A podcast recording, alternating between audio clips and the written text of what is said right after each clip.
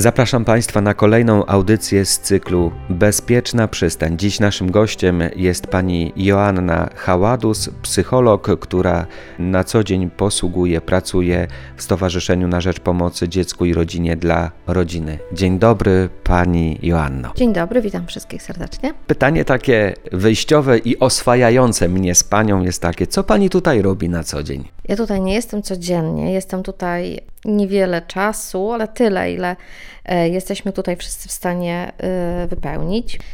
Pracuję tutaj od 6 lat i zajmuję się kilkoma rzeczami. Badam kandydatów na rodziców zastępczych, badam rodziców zastępczych, e, niezawodowych i zawodowych, którzy co dwa lata przechodzą badania powtórne.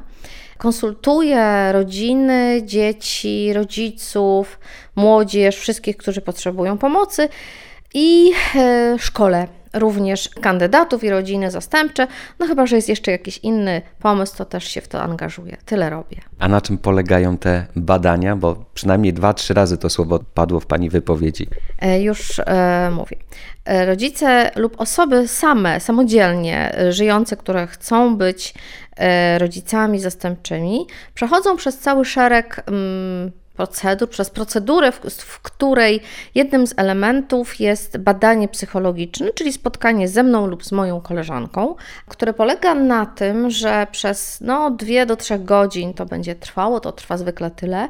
Przeprowadzany jest przeze mnie wywiad, bardzo szczegółowy, dotyczący wielu aspektów życia tych ludzi.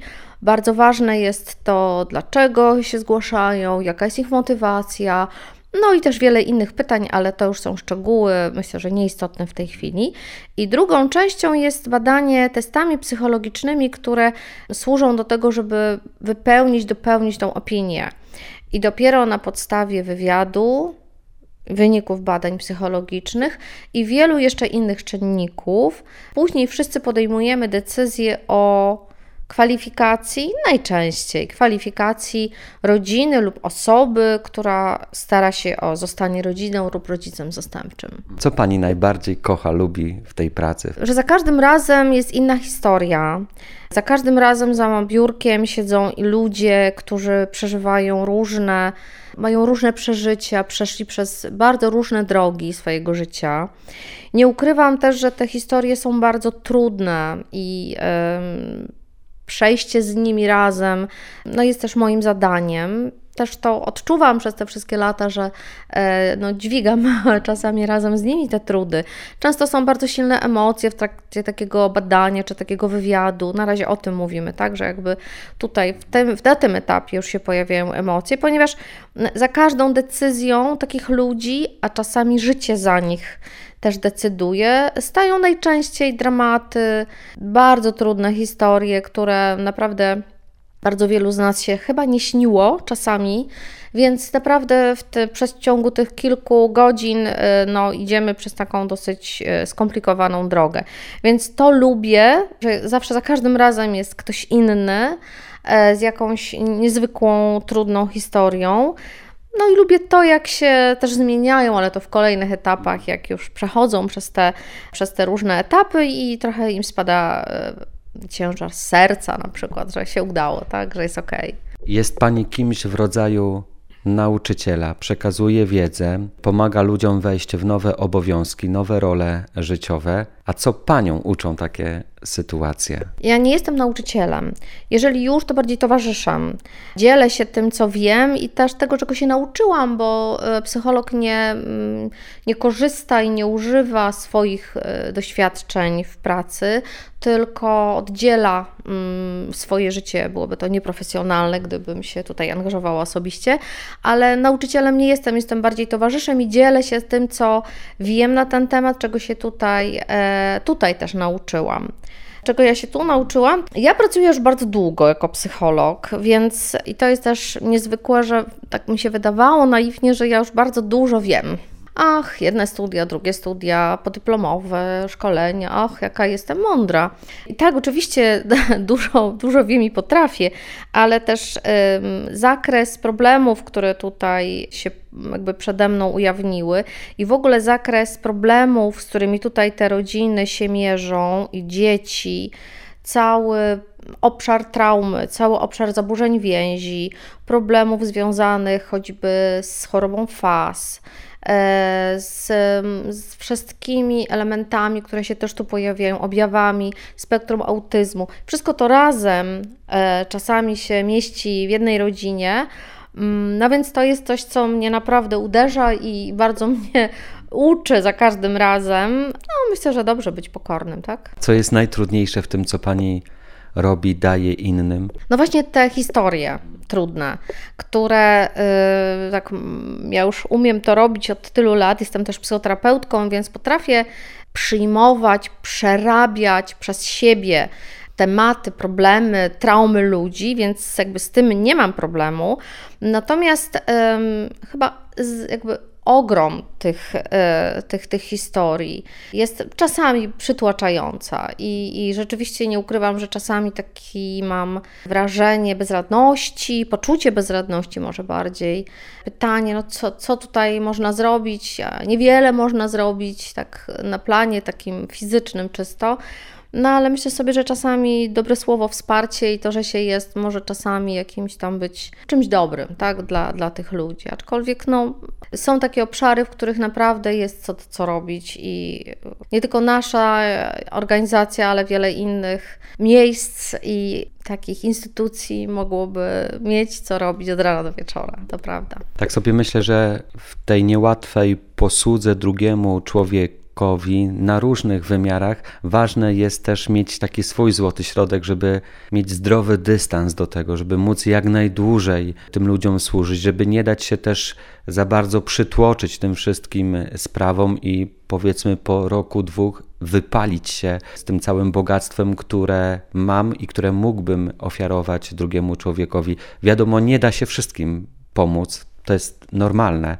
ale tyle, ile się da, to jest ważne i tu jest chyba istotne znaleźć taki zdrowy balans między tą moją rzeczywistością, bo ja też mam swoje życie prywatne, mam swoje życie rodzinne i tą rzeczywistością, którą tutaj zostaję, kiedy przychodzę do pracy. Ja pracuję długo, więc myślę, że daję radę, bo pracuję już 30 lat, ale myślę, że to po pierwsze doświadczenie zawodowe, praktyka długa ale też wiedza i umiejętności, które y, bez szkoleń, bez studiów dodatkowych, bez pomocy ludzi mądrzejszych y, nie, nie, nie da się rady. Po prostu w tym zawodzie, w tym obszarze i tutaj jakby niezbędnym właśnie to, czy Pan mówi, takim y, pomocą, taką, takim wsparciem dla profesjonalistów jest dodatkowe wsparcie nasze, tak, poprzez pomoc, nie wiem, superwizora, poprzez pomoc studiów jakichś podyplomowych, szkoleń, takiej wiedzy, która nas może e, i mnie wielokrotnie też wsparła i, i dzięki temu można to robić, bo na własnej choćby woli, energii czy potrzebie naprawdę można się bardzo łatwo wypalić. No, trzeba bardzo uważać w tej pracy, dlatego że tutaj nieraz są takie odruchy serca, tak? I one są bardzo dobre, ale z drugiej strony trzeba pamiętać, że my jesteśmy bardzo określonej roli. No, ja jestem też bardzo określonej roli i tej roli nie mogę, mm, nie mogę z niej wyjść, nie mogę przekroczyć swoich kompetencji. To byłoby też ze szkodą dla wszystkich, więc no, to trzeba mieć zawsze w pamięci. Pani Joanno, kiedy odwiedzam Wasze stowarzyszenie tutaj przy ulicy Sułkowskiego 9 w miarę regularnie, przygotowuję materiały na naszą antenę, spotykając się z pracownikami stowarzyszenia. Kiedy rozmawiamy o ich takich codziennych radościach i bolączkach, to niemalże wszyscy jednogłośnie podkreślają, że tym, co też im daje jakoś siłę do pracy, do służenia innym, jest ta atmosfera, która tutaj panuje. To skład ludzi, rozumienie potrzeb drugiego człowieka, też e, taka jednomyślność w zaradzaniu tym różnym e, trudnościom, to też naprawdę uskrzydla i, i, daje taką energię. No na pewno, bo ja pracowałam, czy współpracowałam z różnymi miejscami, e, z różnymi instytucjami. Przez długie lata prowadziłam tylko i wyłącznie własny gabinet, ale y, rzeczywiście jest coś takiego niesamowitego w tym miejscu, w tych ludziach, no bo to ludzie tworzą miejsce, tak? I, i paniach y, szefowych, które też mają taką energię niesamowitą.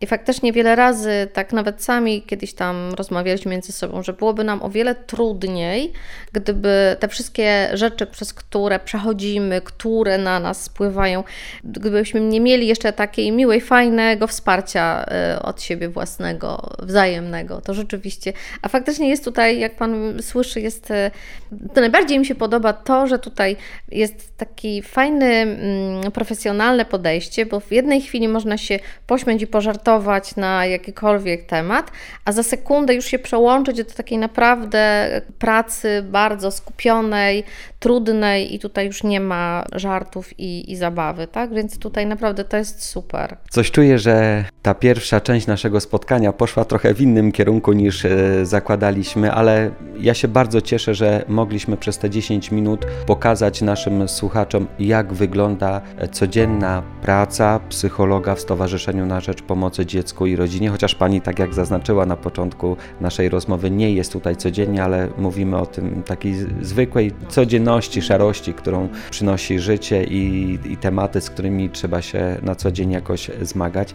Także pani Joanno, bardzo dziękuję za, za to spotkanie, za tę rozmowę i, i mówię do usłyszenia za tydzień w kolejnej audycji Bezpieczna Przystań. A naszym gościem była pani Joanna Haładus, psycholog pracująca na co dzień w Stowarzyszeniu na Rzecz Pomocy Dziecku i Rodzinie dla Rodziny. Dziękuję pięknie za rozmowę. Dziękuję bardzo.